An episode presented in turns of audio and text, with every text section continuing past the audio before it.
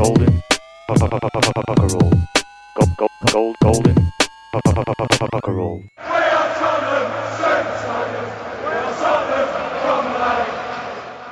Du hører på Golden Cockerel. Vi er Tottenhams Venners egen podkast. I dag så um, har vi besøk av uh, to gjester som for så vidt har vært med i podkasten tidligere. Det er uh, nestleder i Tottenhams Venner, Leif Konrad Borsheim. Hei.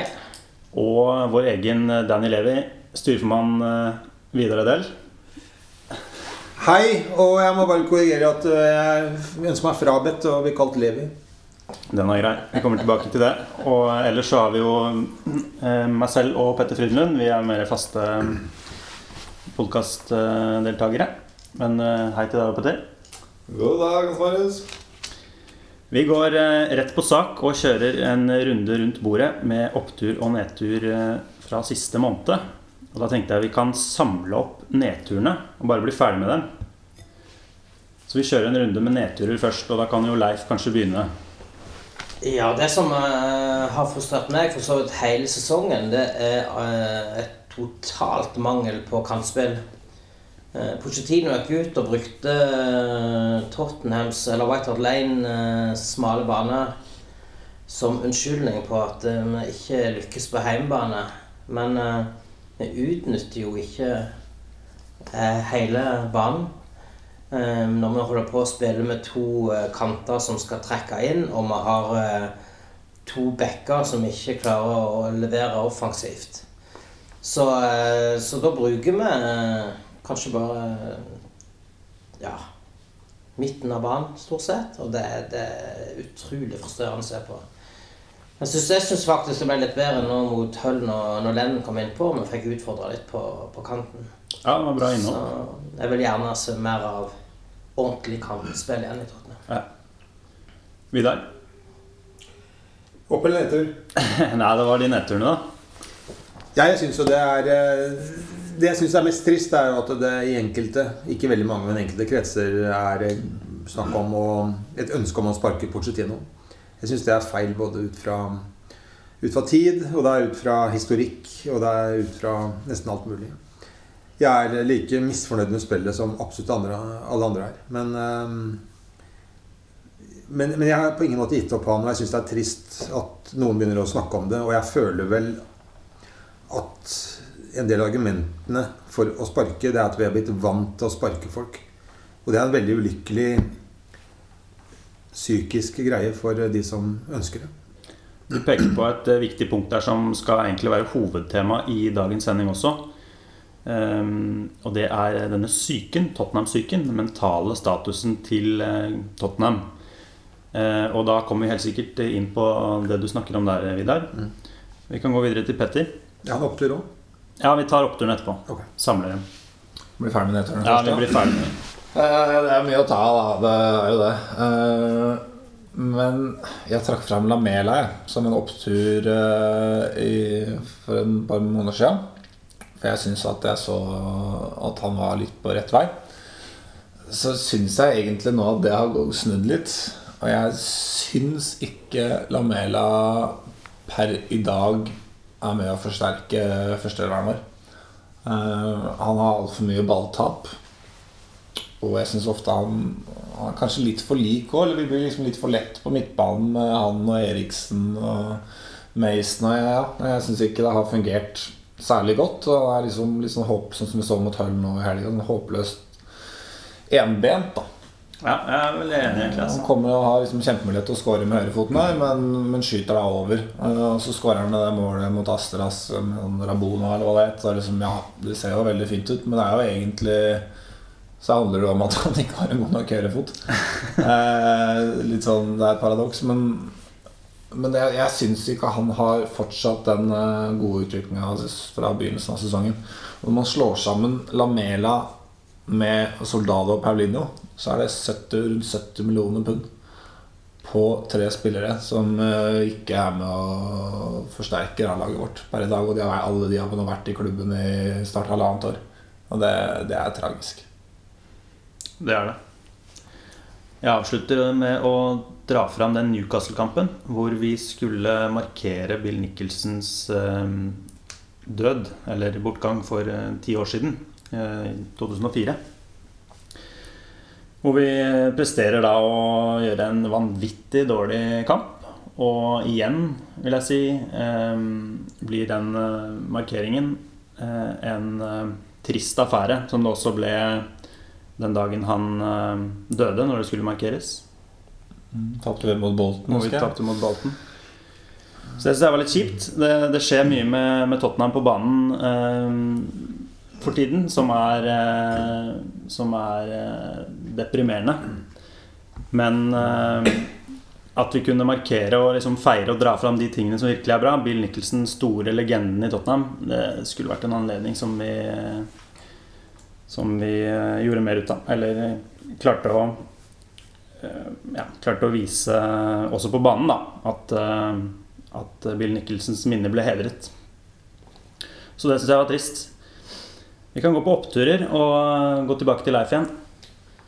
Ja. Vi har hatt to bortekamper og to seire uten å imponere. Og det har jo ført til at vi faktisk er med der oppe og kjemper om topp fire, selv om det ikke ser ut som noe topp fire-lag i det hele tatt. Så det, og det er jo bra, selv om eh, begge kampene har jo vært, det jo nesten vært kopier av hverandre. Med å få en billig utvisning. Eh, sånn at vi blir en mann overtall i andre omgang. Og klarer å snu et underlege til, til 2-1. Ja, Du var jo der også på Villa-kampen. Jeg var på Villakampen, og det er ingenting som å få et mål i seiersmål i siste minutt. Det er helt ellevilt. Og vi snakker jo litt nå om hvor stemningen på White Hot Lane kanskje har blitt litt dårligere med, med året. Og da vil jeg jo egentlig bare anbefale folk som skal øve å dra på en bortekamp. Hvis du er heldig og får med deg en seier borte, så er det en vanvittig stor opplevelse. Vi kjører videre til Vidar.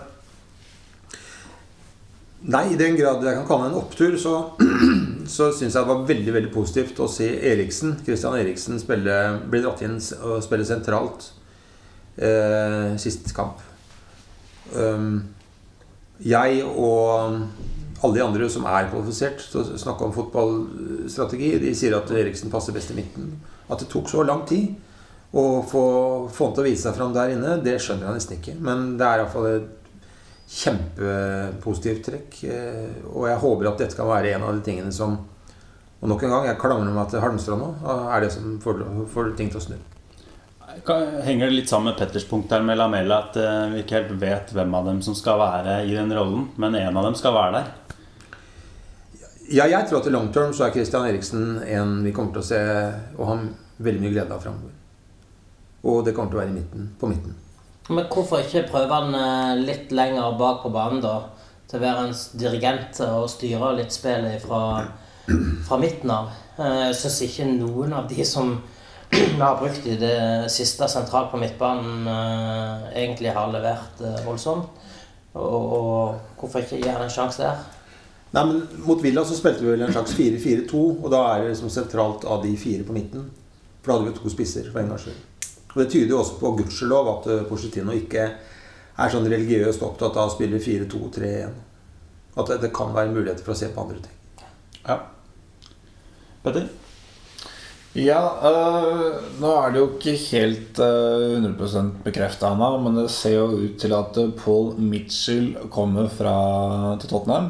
øh, fra SA-15.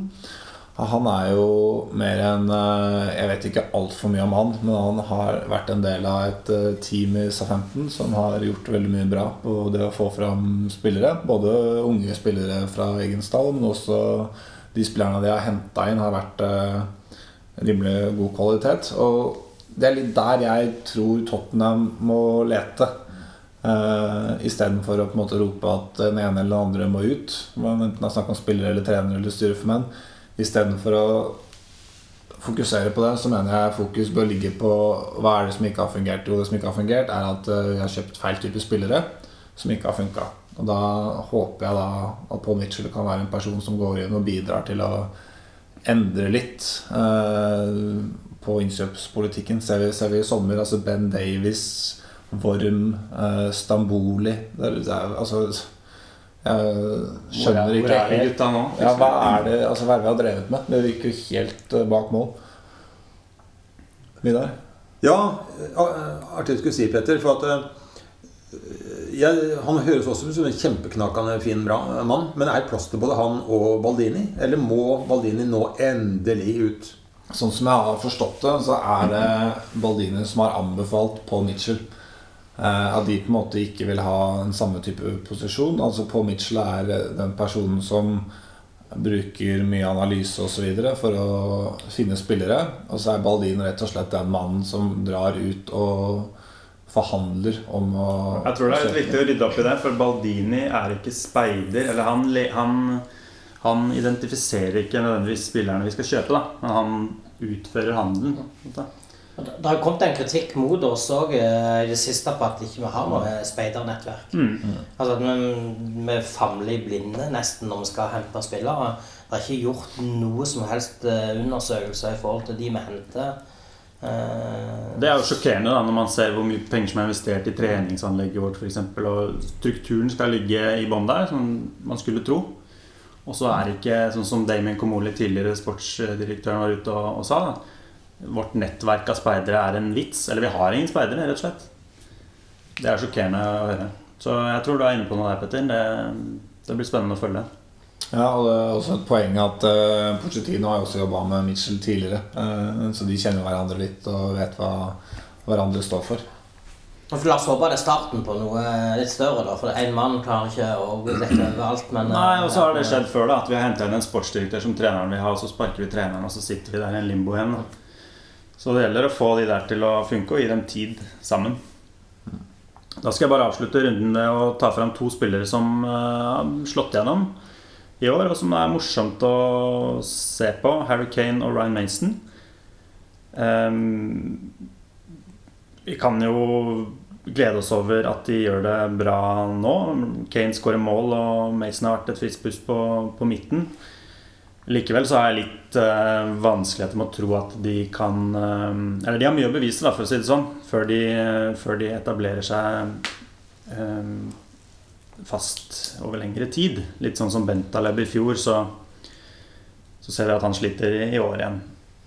Men det er morsomt. De er fra egen stall og er Tottenham-gutter, og det, det er gøy å se. Er det godt nok til topp fire? Nei, det tror jeg ikke det er, men eh, det synliggjør jo litt av det problemet som, eh, som Petter også tar fram, da, med disse spillerne som vi har signert for, eh, for mange millioner eh, kroner som ikke, som ikke engang er i stallen. ikke sant? Og så kommer disse gutta fra eget akademi inn og, og spiller fast. Ta i Mason sin posisjon, da. Spillere som han på en måte har tatt plassen til, er jo typer som Paulinho, Dembele, Stamboli. De tre, det er tre gutter som kosta rundt 40 millioner pund til sammen. Og så kan Ryan Mason komme fra ingen steder inn og etter et mislykka låneopphold i Swindon eller hvor det hadde vært omtrent. Og det så, tar han den plassen. Det, det er jo et svakhetstegn. Nå har Mason gjort det veldig bra og fortjener kred, som, som du sier. Men det er jo et svakhetstegn. Det er jo det samme med Harry Kane. Det er et, svakhets, eh, altså det er et tegn på, på svakhet på spissplassen vår da, når, når, eh, når Harry Kane, som Ja, vi hadde Vikestad her i, forrige sending, og han eh, snakket om Kane i Norwich, og hadde ikke noe tro på at han kom til å bli en spesielt stor spiller. Så Nei, kommer han tilbake fra lån, og så, liksom, så Nå spiller han jo mer eller mindre fast på Tottenham. Og, og da har vi typer som Soldado og Adebayor i bakhånd. De casher inn eh, enorme summer i lønn, og vi har kjøpt dem for masse, masse penger. Det er klart at når, når han var i Norwich, så var han vel fortsatt tenåring. Nå, nå har han blitt 21, og, og jeg syns han begynner å levere på, på et høyt nivå. Så, så jeg er veldig glad for at han er i Tottenham og tror at han kan eh, være framtidsmann for oss. Jeg er litt mer usikker på, på Mason. Eh, for meg eh, blir han litt lettvekter på midten, selv om han viser, viser en del bra ting. Men, men jeg har ikke tro på noe topp fire med Mason på laget. Dessverre.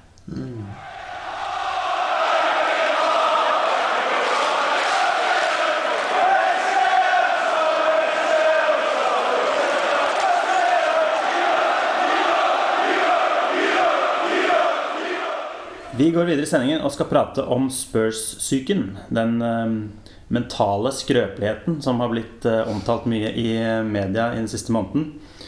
Og dette er bl.a. basert på noen kommentarer fra ja, Roy Keane f.eks., som var ute og sa at uh, Han refererte en historie i gamle dager når United hadde spilt mot Tottenham, og de lå under til pause.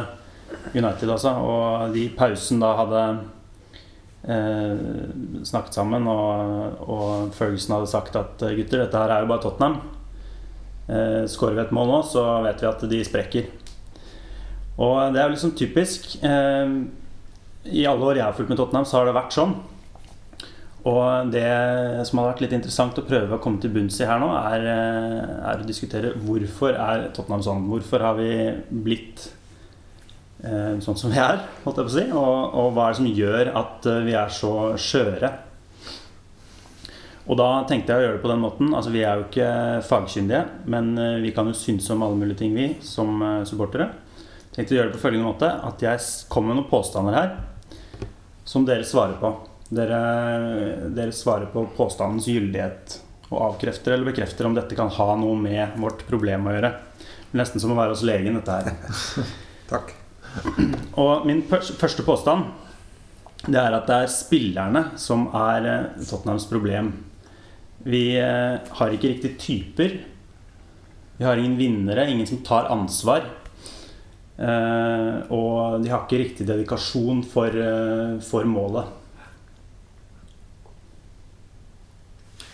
Ja, jeg tenker jo at det absolutt kan være en medvirkende årsak. Vi snakka litt om det i siste, i siste episode òg, at det er jo så høy turnover av spillere. Altså Jeg tror ikke nødvendigvis at de spillerne vi har enkeltvis, er noe dårligere enn i andre klubber, men når vi har når vi skifter ut måte, halve troppen hver sommer Gutta kjenner ikke hverandre så godt. Det er klart at det vil bli annerledes kultur i, i garderobene. Altså, vi hadde i sommer, se på de som vi kvitta oss med i sommer, Sandro, Holtby, Sigurdsson, Dawson. Der tror jeg vi hadde fire spillere som var gode forbilder og på en måte bidra med et annet I hvert fall inntrykk av det eh, at de var det. Eh, og det er spillere som da har kommet ut, og så blir de erstatta av noen helt nye igjen. Og sånn går det på en måte hele tiden. Da. Og da. Så lenge vi holder på på den måten, så ser jeg ikke helt at vi skal få noen kultur heller på noe annet. Vi har én spiller som har vært det i alle år, og det er Erlend Lennon. Og han tror jeg ikke gjør så veldig mye ut av seg sånn sosialt. Nei. Bortsett fra nattklubbene i Essex. Ja, da gjør han sikkert mye ut av seg. Men, men er det noe med disse, altså at, at spillerne vi identifiserer som targets når vi, når vi kjøper spillere, er, er f.eks. den stilen som er forbundet med Tottenham, et hinder? Er, er, er det sånn at vi ikke går etter de typene som er tøffe, f.eks.? Altså Vi skal spille på en spesiell måte, og det aksepteres ikke at vi kjøper en Ryan Shawcross for eksempel, fra Stoke. da Jeg er jo helt uenig. Altså, Sandro var jo en av de store favorittene. Alt han gjorde, var jo å, å stoppe motstanderne. Han var jo eh, helt forferdelig i det offensive delen av eh, spillet. Men han, han, han var den der murbrekkeren og ble jo kjempepopulær på det. Så, men, men det er jo spørsmålet her spillerne, er det de som er problemet? Er det noen som kjøper de inn, da? Eh, og hvilken Altså, hvilke, Har de undersøkt hva de kjøper inn? Eh, Stamboli, for eksempel. Det er jo bare to år siden han ble seriemester i Frankrike. Uh, og nå Som kaptein. som kaptein. Uh, var òg den murbrekkeren på midten for uh, Montpellier. Var det ikke jo, Montpellier? Og nå, nå er han ikke i nærheten engang av, eh, av vårt lag. Jeg mener jo vi har typene. Louis Holtby var òg eh, en type som gikk i, i front. Men, men, men eh, det skjer et eller annet med dem når de kommer til Tottenham. Ja, gjør det det? Det skjer noe med det når de kommer til Tottenham? Ja, det er jo tydelig, det, men, men hva dette er Men det er klart at det, eh, vi, har jo blitt, har jo blitt en klubb som selger det beste vi har hele veien. Hver gang vi er i ferd med å bygge opp noe virkelig stort, så, så bruker vi unnskyldninger. Nei, vi kan ikke holde en spiller som ikke vil være i klubben. Eh, og da, når du og da er i ferd med å få disse som kan ta det et steg videre, så, så selger vi, og så henter vi inn noe eh, som, som ikke er i nærheten av den kvaliteten. Og så må du begynne å bygge opp på nytt igjen, og så forringer det seg. Det er iallfall min påstander. Ja, altså dere, dere peker på en eh, kortsiktighet her, egentlig, da, som et problem med at f.eks. Da vil jeg også trekke inn det med at vi har ikke samme treneren over lengre tid, så han får ikke kanskje hentet inn de spillerne han vil, og få brukt de spillerne, og de, altså de blir kjent i en relasjon, da. Eh, og vi har ikke de typene som vi riktignok kanskje hadde før, da, med, med King f.eks., som hadde vært i klubben veldig lenge. Eh, Gallas hadde jo en sånn slags eh, Han hadde ikke vært der så lenge, riktignok, men han hadde i hvert fall nok av ledererfaring. Eh, og når vi da liksom kvitter oss med både trenere og spillere litt sånn litt etter litt, så, så ender vi opp med, med det problemet. Så det er ikke nødvendigvis spillerne, men det er det at de blir eh, skiftet litt for raskt, kanskje. Jeg tror, jeg tror du peker på noe korrekt der. Jeg tror at det er Jeg, jeg tror prinsipielt at selvfølgelig Jeg tror det er spillerne det er noe øh, at, at jeg er grunnen. Men det er grunnen til at det, spillerne er som de er. For at det er ustabilt. Det er altfor mye skifter. Altfor mye turnover av spillere og managere. Og det er jo en, en grunn til det et eller annet sted.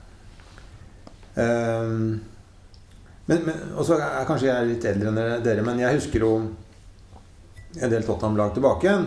Altså, the style of Tottenham, ja, det er veldig sånn deilig og fluent og sånt, men vi har jo også hatt våre Graham Roberts, Paul Miller, Justin Edinburgh, faktisk. Som jo sparka møkka ut av folk og, og, og var ledere på banen og utenfor banen. Og jeg, jeg ser ingen av den, det kaliberet der vi har i dag. Det er svært lenge siden vi har hatt. At vi har Kabul som kaptein, og åpenbart den som spillerne selv ser på som den største lederen Vel, Kabul er ikke håpløs, han, men det er ikke noe sånn amazingly bra greier. Men i retrospekt her, da, var det feil å selge Michael Dawson? Nei.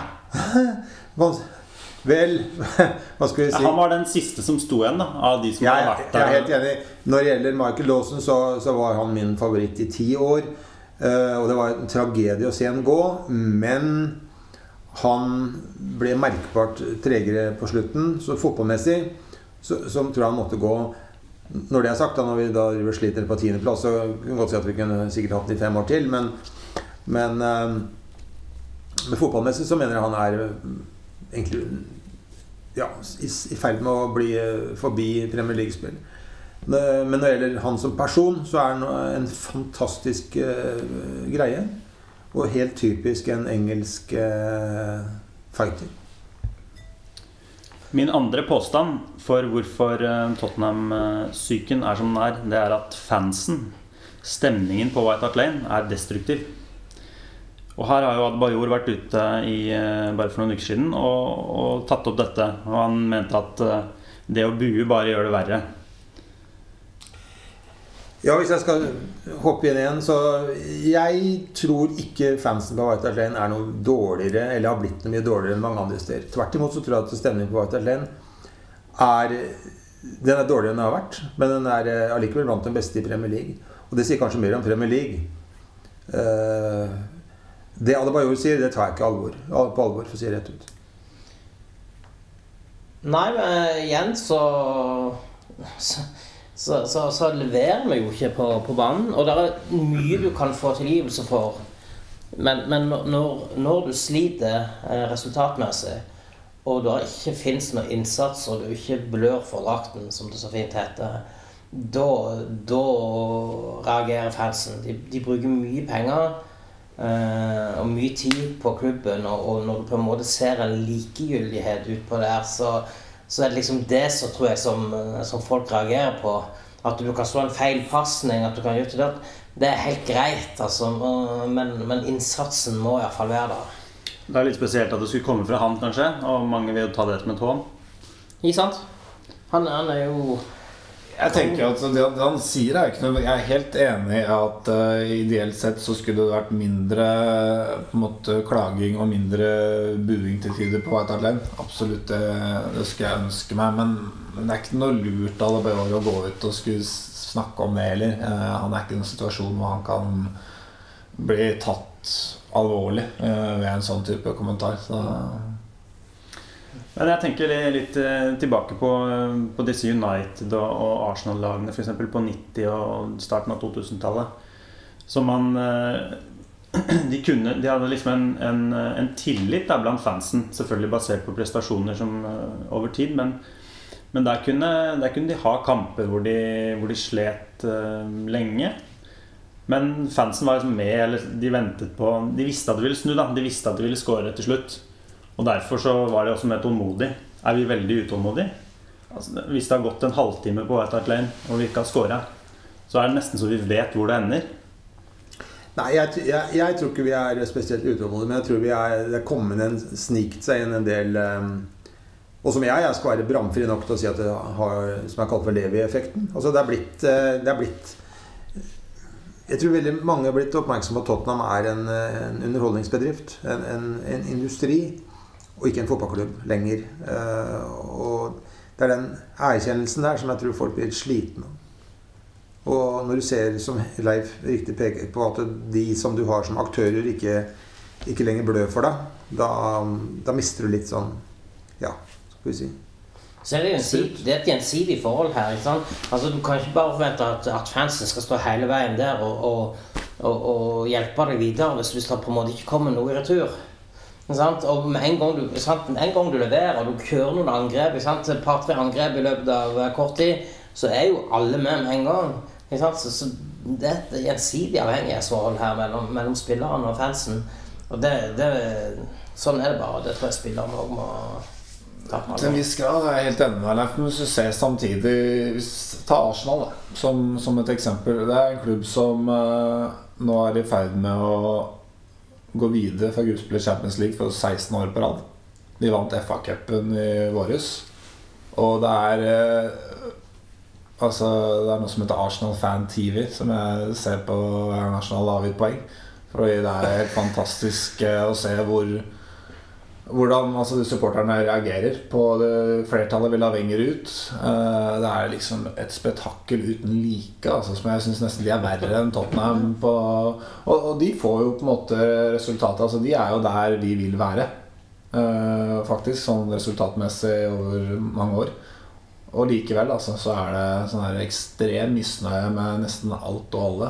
Så, så det, er, det er en tegn i tiden? Det er ja, litt sånn tegn i tiden. Og det kommer sikkert fra det er høye billettpriser. Det er liksom Det er en annen type demografi på tribunene enn, enn det har vært tidligere. Altså men, og, og, og, som, som en Tottenham eh, så er helt, altså Leif var jo inne på i stad, og det er vi helt sikkert enige om alle vi som har vært på bortekamper.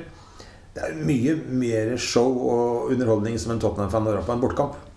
For der er jo det hardcore uh, 3000-5000. Men, men Kanskje flere. Det, det, som slo meg litt Når jeg var på Villa Park, var jo at du, du er på måte går på puben der som eh, Spørsfansen samles utenfor stadion.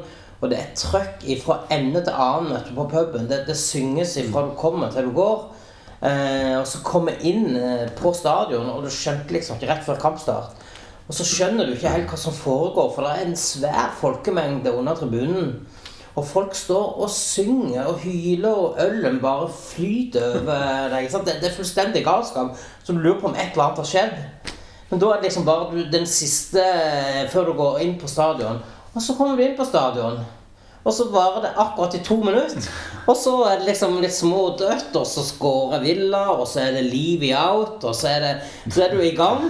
Og så kommer du liksom litt ut i andre omgang, og du begynner å, å øyne et håp her, det kommer en utvisning, og så er trøkket på full guff igjen de siste 20 minutter. Men du trenger på en måte den der pushen der òg, før, uh, før, før, du gjør alt på tribunen. Mm. Og det er veldig rart.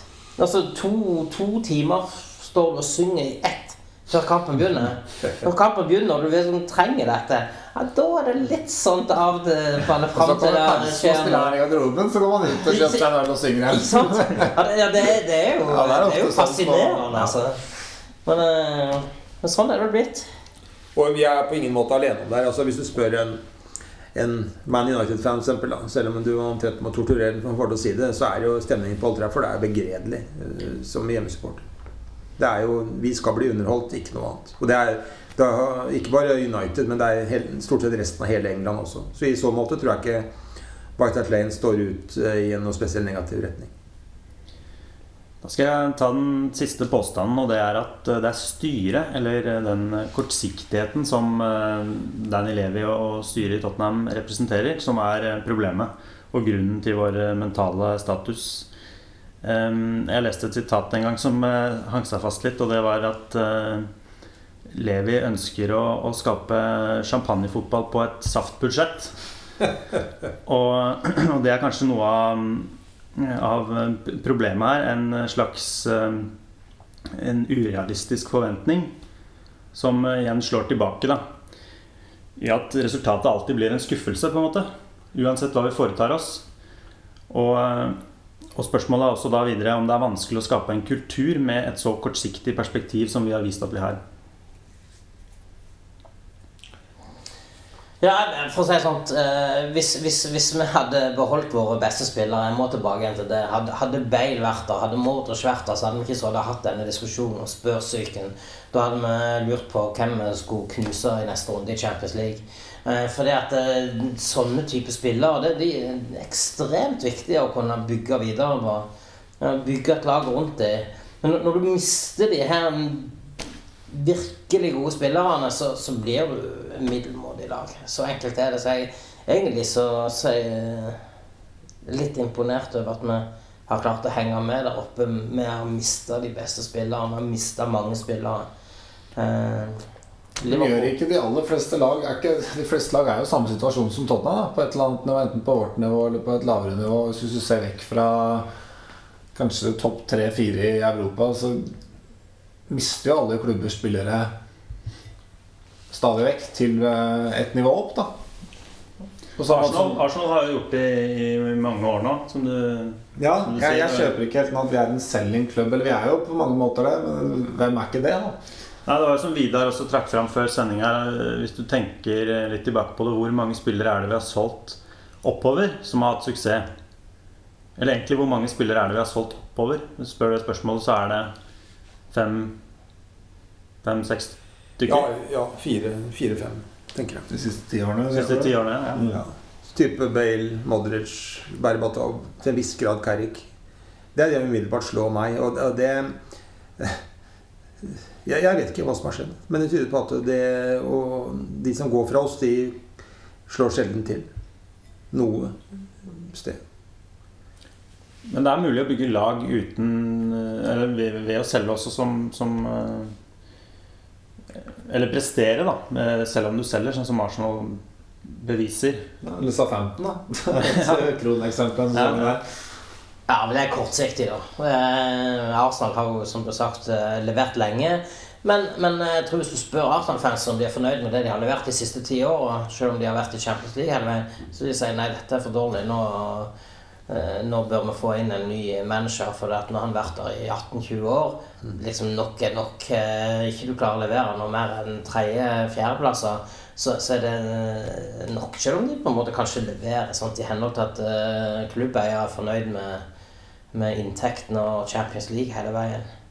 Så ja. Men, men tror vi at vi har eh, oppskriften på hvordan eh, vi skal gå videre med suksess? Jeg vet jo svaret på dette, på en måte, men Gjør du? jeg vet jo hva dere sier. Vi, vi har jo åpenbart ikke det. Det har jo bevist eh, over flere år nå at vi har ikke den oppskriften. Jeg, jeg, jeg har sagt både holdt på å si internt og eksternt gjennom flere år så ofte at jeg er skikkelig lei av å høre på meg sjøl snakke om det. Men, men jeg ser på Levi som ekstremt skadelig. Han, har, han er en veldig god forretningsmann. Veldig god forretningsteft på, på det mennesket der.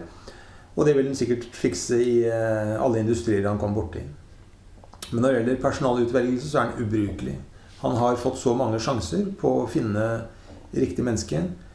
Nå har han hatt seks måneder på seg til å finne Porcetino. Dette er i min verden absolutt siste sjanse han har til å kunne eh, bevise at han er noe som helst over eh, Joe Average. Han ingen, jeg, ingen, jeg håper virkelig ingen tror på det skvaldret om at eh, Tim Sherwood var noe annet enn en seksmåneders caretaker. Um, han brukte da fra AVB sparka i i jul i fjor til eh, juni i år på å finne én mann. Og jeg, jeg, jeg håper og tror at det er Pochettino. Men måten han har gjort det på fram til nå i, i- altså Statistikken, historikken, sier jo at det er veldig, veldig skuffende. Uh, Når det er sagt, altså, det, er- det, finnes, nok av folk som ønsker å kjøpe Tottenham til en eller annen pris. Og, men vi aner jo ikke hva det kan være. Ønsker vi en, en araberfamilie eller noen russere? Kanskje ikke. Kanskje Levi og gjengen og, og Louis er Vi vet hva vi har, men ikke hva vi får. Jeg vet ikke. Jeg tror jo eh, at hvis du spør Livi hva som er hans største hva han angrer mest på i løpet av sine år i Tottenham, så tror jeg han vil svare den eh, sesongen hvor vi ble nummer fire og ikke fikk Champions League. Eh, hvor vi var ett poeng fra tredjeplassen. Og vi henta vel eh, Saha og Nelson i det januarvinduet der. Eh, det var to sesonger på rad hvor vi, hvor vi da mista ett poeng bak Arsenal. Så på en måte kan man si at det var litt uheldig. Den ene sesongen fikk vi 72 poeng, som normalt sett alltid skal alle. Så det var litt uflaks inne i bildet. Men samtidig så valgte vi å ikke forsterke laget på et tidspunkt som i ettertid viste seg å være men det er, litt det, det er litt det jeg mener da med dette SAFT-budsjettet. Fordi modellen tilsier at han skal ikke bruke penger. Ikke? Han skal gå i null hele tiden. Og, og vi gjorde det jo ikke engang når vi kom inn i Champions League. Nei, Vi kjøpte van der Fart, den eneste som kom inn eh, den sommeren, som av noe betydning iallfall. Eh, der òg har du en gyllen mulighet. Du får eh, høyere inntekt, og du kan på en måte fortsatt forsvare og inn med litt penger. Men, men vi gjorde det ikke da engang. Altså, vi tok ikke det steget der som kunne eh, fått oss opp eh, som en sikker topp fire-kandidat. Så hvis jeg skal knytte alle disse påstandene litt sammen nå på slutten, så, så tenker jeg at det siste punktet her, personlig, syns jeg det er, er ekstremt viktig. Og det er grunnen til mange av disse andre problemene som vi har på spillersiden. At fansen er misfornøyd. Altså Forventningene skrus opp. Og så får vi ikke støtte der vi trenger. Han investerer ikke når vi trenger det, når vi ligger nummer tre, f.eks. Um, de beste spillerne blir solgt, vi har ingen å bygge videre på. Eh, Og kulturen blir sånn sett ikke etablert. da Så for meg så ligger det veldig, veldig mye på det siste punktet. Vi, skal avslutte mm, denne posten, men eh, aller sist så skal jeg bare spørre dere om altså Når vi snakker om mental styrke, så er det jo egentlig veldig vanlig i idretten at dette trenes. At man har eh, personer inne som hjelper til med dette. Alt tyder på at vi ikke har det i Tottenham. Nå vet ikke jeg egentlig om det stemmer, men eh, da burde det vært en endring i sakene. Eh, Jeg vet ikke, Er det noe vi kan eh, eller bør forvente? Ja, jeg, jeg tror veldig på at psykologi i, i sport er eh, essensielt. Hvorfor, om Tottenham har og og hvorfor Tiffelham har det eller ikke, det, er, det vet jeg ingenting om. Men det er mye som tyder på at de ikke har det. Selv om historikken forteller at det, det hadde vi hatt innmari god bruk for. Da lar vi det være siste ord, og så går vi videre i sendingen. Hi, this is Mickey Yazard, and you're listening to the Golden Cockerel podcast. Come on, you Spurs. Neste punkt i dagens podkast det, det er om dømming og om dommerne. Eh, Vi skal eh, snakke litt om ting som irriterer eh, oss ved dømming. Og Petter, du var jo litt ivrig for å, for å få i gang den runden her. Du irriterer deg tydeligvis veldig, da. Du hadde mange punkter på blokka di, så jeg. Men eh, hva er det du tenker eh, Hvorfor du snakka om dette her? Er ikke, Tottenham ikke så veldig urettferdig behandla, eller syns du det? Nei, jeg syns egentlig ikke Syns ikke det nødvendigvis i store og hele. Men, eh, men det er liksom noen sånne dommeravgjørelser som irriterer meg. Da. Eller kanskje riktigere å si eh, regelverket irriterer meg. Så dette handler vel så mye om fotball generelt, egentlig, som Tottenham spesielt. Ja, helt klart. Eh, og en av de tingene som, som på en måte irriterer meg, er jo da at det er straff og rødt kort som sistemann. Uh, hvor du da i en del tilfeller ender opp med å få straffe mot og en utvisning i en situasjon der hvor vedkommende ikke har Hvis vedkommende forsvarsspilleren går inn og bevisst stopper en spiller i å komme alene med keeper, selvfølgelig. Helst Er på det- streken. Ja, ikke sant? Det, det, er, det er noe annet. Men i de tilfellene hvor det på en måte er et uhell, så ender du opp med å få straffe og rødt kort imot. Sånn som du ser ganske, det skjer ganske ofte i løpet av en sesong. Hugo Lerris fikk vel rødt kort uh, i Europaligaen, gjør han ikke det? Hvis det er en sånn situasjon.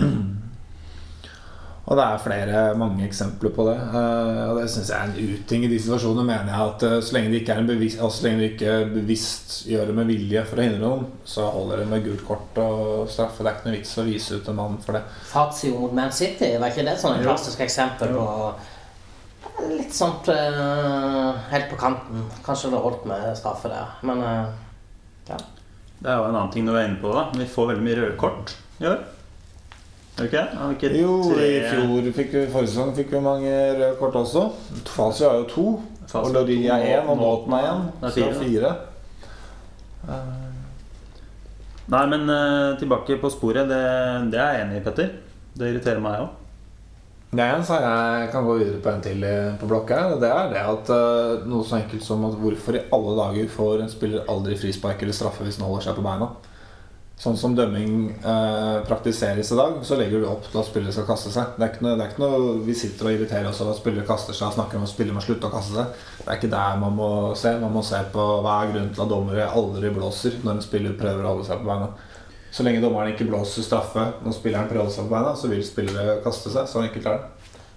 Akkurat med straffe er det kanskje litt spesielt, men du mener at det er et problem ellers på banen nå? At de ikke får frispark når de skal fordi de står?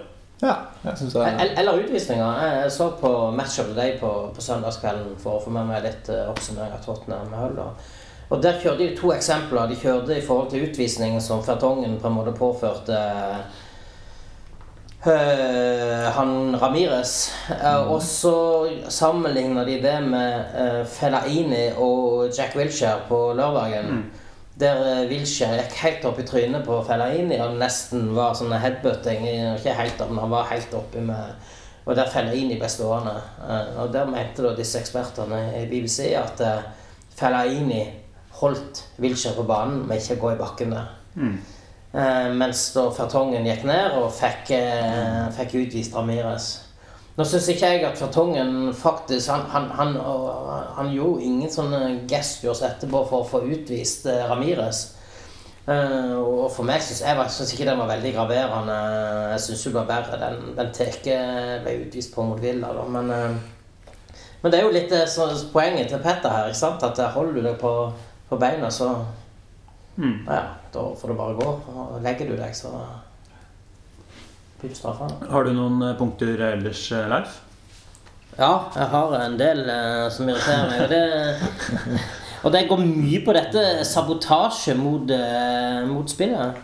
Altså Hvis jeg har forstått dette rett, så er det sånn at uh, det er dommeren som skal bestemme når om et spill skal stanses pga. skade. Eh, Hvis ikke det er hodeskade, så kan du for så vidt bare fortsette å spille. Men sånn er det jo ikke i praksis. Eh, hvis, hvis, hvis et lag fortsetter å spille, så blir det jo eh, oppgjør på kammer som en gang ballen ute av spill, og der motstanderen er irritert på laget som fortsetter å spille. Og da ender det ofte med at eh, lag som har ballen, spiller ballen utover sidelinjen for ikke å bli oppfatta som eh, som å ikke ha fair play, da. Eh, og for meg er det helt latterlig.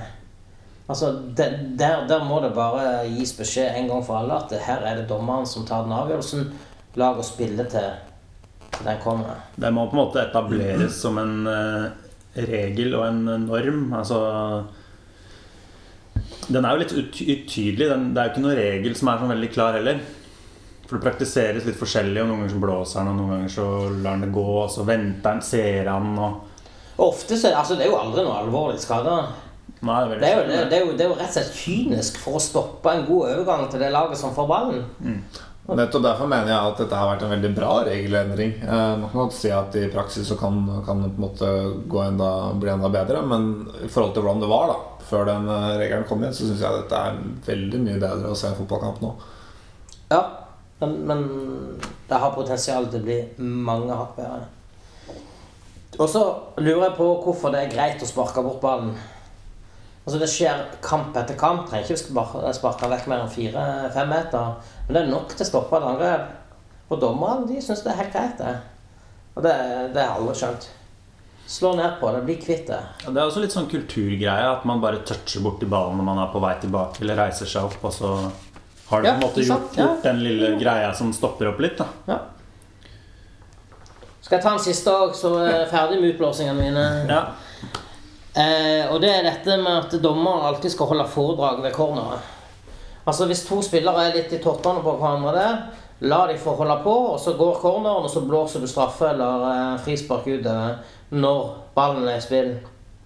At du skal inn og forklare og bruke mye tid på, på det, ting som spilleren allerede vet i utgangspunktet, det eh, virker håpløst.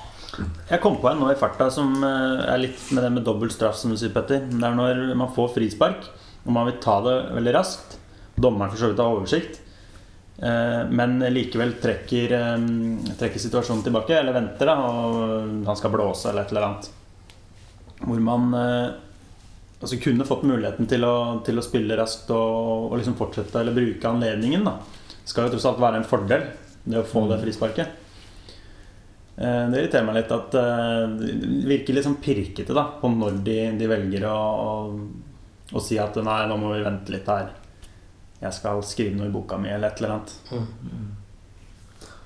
Syns dere 1-1-målet mot Hull skulle vært annullert? Det var offside på Soldado. Ja, jeg så det etterpå. Det Det ligner litt på Lampard sin egne Han gjorde det samme mot oss. syns jeg. For han står jo i veien for keeper i det frisparket i går. Han står jo bevisst, Hvis man ser i reprisen, så står jo Soldado bevisst i offside. Han veit han er i offside, Mm. men han er da i synsbanen til, til keeper. Er han involvert i spillet eller ikke? Men Har det her blitt kommentert overhodet? Eller er dette en åpenbart lovlig ting å gjøre?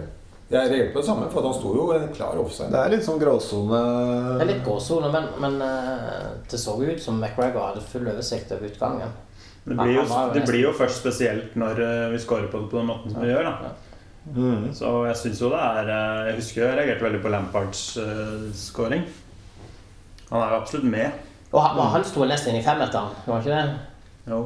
Så Nei, jeg syns ikke det var Men nå har jeg på meg Tottenham-brillene, så er Tottenham, så Men, jeg, men jeg hadde kanskje hevda at Jeg hadde kanskje kommentert at det var en offside hvis eh, det var motsatt ende. For han står jo bevisst i offside. Han gjør det er ikke noe tvil om at det er først, først lurte jeg på hva faen hvorfor står du der. Eh, men jeg skjønner jo etter hvert hva han driver med. Vidar, har du noen punkter? Jeg syns eh, herrene har dekket eh, alt veldig, veldig bra. Ja, og, uh, men det er, det er sånn på generell basis syns jeg det å At man skal det er, ikke, det er ikke mulig å slå hardt ned nok på folk som driver med cheating. Altså jukser til seg ting og, og spiller.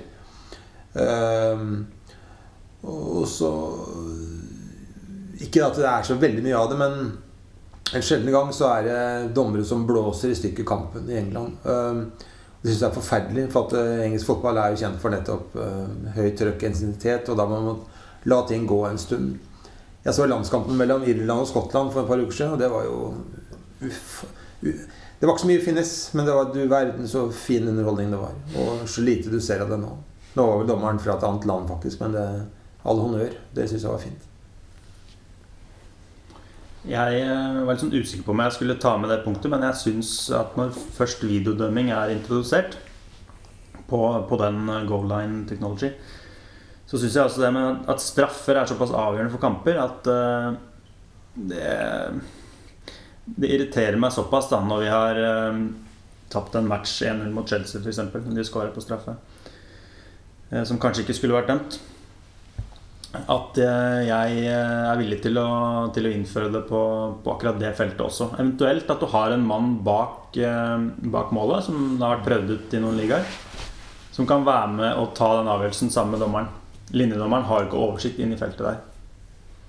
Jeg er helt enig med Hans Marius. Eh, videodømming på straffer, det, det går ikke an. Det er, straffer er en skjønnsmessig vurdering. Eh, du er avhengig av eh, en rekke faktorer. Det nytter ikke å ha, å ha mållinjeteknologi. Det, er, det gir mening, for enten så er ballen inne eller så er den ikke inne. Det Nei, kan det man ikke å- si når det gjelder straffer. Det er jo for å, for å Altså, dommeren tar jo avgjørelsen der og da. Og så Det er litt som med den derre I tennis så har de den der teknologien for å se om ballen er ute. Kan bruke den tre ganger. Hver spiller kan bruke den tre ganger i løpet av en kamp. Mm.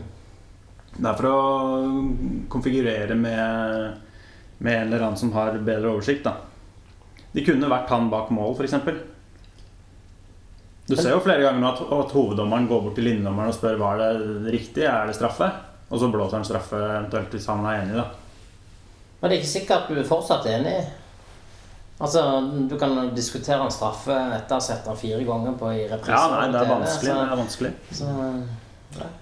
Ja, og det er litt av, litt av det spesielle. For det å være dommer i dag må være, være et lite helvete. For at du, når du ser opptak fire ganger i pause og fortsatt ikke er enig med deg sjøl, og du vet at dommeren står da ti meter unna og må ta en avgjørelse i løpet av en eh, tiendedels sekund, da skjønner du hvor vanskelig det er.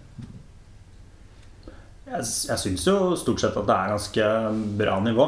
Det er, Absolutt. absolutt. Og det tyder på at det er Det er, det er en selv om vi ikke kanskje liker å innrømme det, en forholdsvis grei standard på det. jeg merker veldig forskjell når vi kommer til Europaligaen, hvor, hvor mye ymse du får der ja, i forhold til England. Mm. Så Og en del av disse tingene som vi vel har snakka om nå, det går ikke på sånne spesifikke ting, men det er mer sånne generelle utinger som, som, eh, som fins i, fotballen. Og mm. Hadde du noen flere punkter, eller? Ja, jeg mener jo annet at keepere er jo veldig overbeskytta. Ja, klar. Eh, Det er slitsomt å hele tida se at en, en helt ren duell, så får keepere nesten alltid frispark. Det irriterer meg litt. Mm. Men er de ikke litt mindre beskytta i England enn i andre eh, land, da? Jeg syns jeg ser at du kommer unna med litt mer, men jeg, jeg vet ikke. Mulig. Og siste på blokka mi er eh, at jeg ofte syns linjemenn på, på langsida Så syns jeg ofte hvis det er litt sånn her Jeg syns veldig ofte når det er sånn veldig sånn tvilstilfelle om ballen er ute eller ikke, så syns jeg dom- linjedommere vifter for kast. Og jeg tror i en del tilfeller at ikke hele ballen er over. Men jeg mener at i, i hvert fall i tvilstilfeller da, så bør jo på en måte det offensive laget få tvilen til gode da, for å få mer flyt i spillet. Det er ofte det jeg irriterer meg over. Spesielt når det er Tottenham, da, selvfølgelig, som eh, er i angrep. Surprise. Nei, Det er bare å, å notere seg nye ting som dukker opp på, på dommersiden. Eh, Det er kanskje ikke det du følger mest med, men det er jo sånn man henger seg opp i, selvfølgelig. Får vi se hvordan eh, Om vi kommer opp med noe Vi kan jo holde det gående i senere podkaster hvis du kommer på noen flere, flere ting. Jeg må bare skyte inn til, til slutt her at jeg har prøvd meg som linjedommer i Sunday League i England, og det var jævlig vanskelig, altså. Jeg gjorde drøss med feil. Det er helt sikkert. Så, så lett er det, så lett er det ikke. Nei. Nei, Vi skal avslutte dagens sending med å um, si litt om, um, om uh, de sosiale mediene igjen. Um, vi har en julekalender gående som, kan, uh, nei, som Leif kan fortelle litt om, kanskje. Ja, nytt av året er at vi kjører en uh, julekalender nå fra 1.12., naturligvis. På uh, de tre sosiale mediene der vi fins, altså Facebook, Twitter og Instagram. Så vi oppfordrer jo alle lytterne til å finne oss der hvis ikke de allerede har gjort det. Eh, og, og følg oss der fra iallfall før 1.12., så, så går du ikke glipp av noe som helst der. Har vi Eh, mye eh, fine premier. Eh, vi har dagspremier, og, og de kan du vinne ved å like det som blir lagt ut, kommentere det, helst dele det eller retvitre det, eller reposte det på, på eh, Facebook. Eh, for da får vi jo spredd eh, vårt budskap ut til Kynisk metode. Nei. Kynisk metode, men så er det mye du kan få igjen for det. Vi har eh, Toppremien er jo en signert eh, drakt fra hele troppen fra eh, 2012-13-sesongen. Det vil si siste sesongen der verdens dyreste fotballspiller spilte for Tottenham. Eh, og det er uh, Det er gjevt, det. det er en flott uh, premie, og vi har alt fra kalender, termos, krus, DVD-er, bøker, dørmatte og andre signerte effekter eh, som dagspremier. Så følg med på det på Mm. våre Da finner du oss selvfølgelig på Facebook, på Twitter og på Instagram. Ja. Og vi kan bare minne om det at på, på Facebook så er det forskjell på den offisielle Tottenhams Venner-siden, som heter Tottenhams Venner offisiell. Mm. Og det som er Tottenhams venner-siden, som er eh, på en måte eh, fansens diskusjonsforum, eller hva jeg skal kalle det. Det stemmer. Ja. Det stemmer. Så det er den offisielle der eh, disse, denne kalenderen blir lagt ut. Det er kun den som da Tottenhams venner på en måte er styrer Tottenhams venner drifter. da Den Ja. andre siden er um, andre uavhengige personer som, eh, som driver og ikke styrer Tottenhams venner. Ja, det er bare å henge seg på den utviklingen. Da avslutter vi dagens sending. Sier takk til gjestene våre. Og mm, ønsker eh, lykke til videre i sesongen. Vi avslutter med en liten liten dag Army. Yeah! Gold, gold, golden. Roll. Gold, gold, golden. Roll.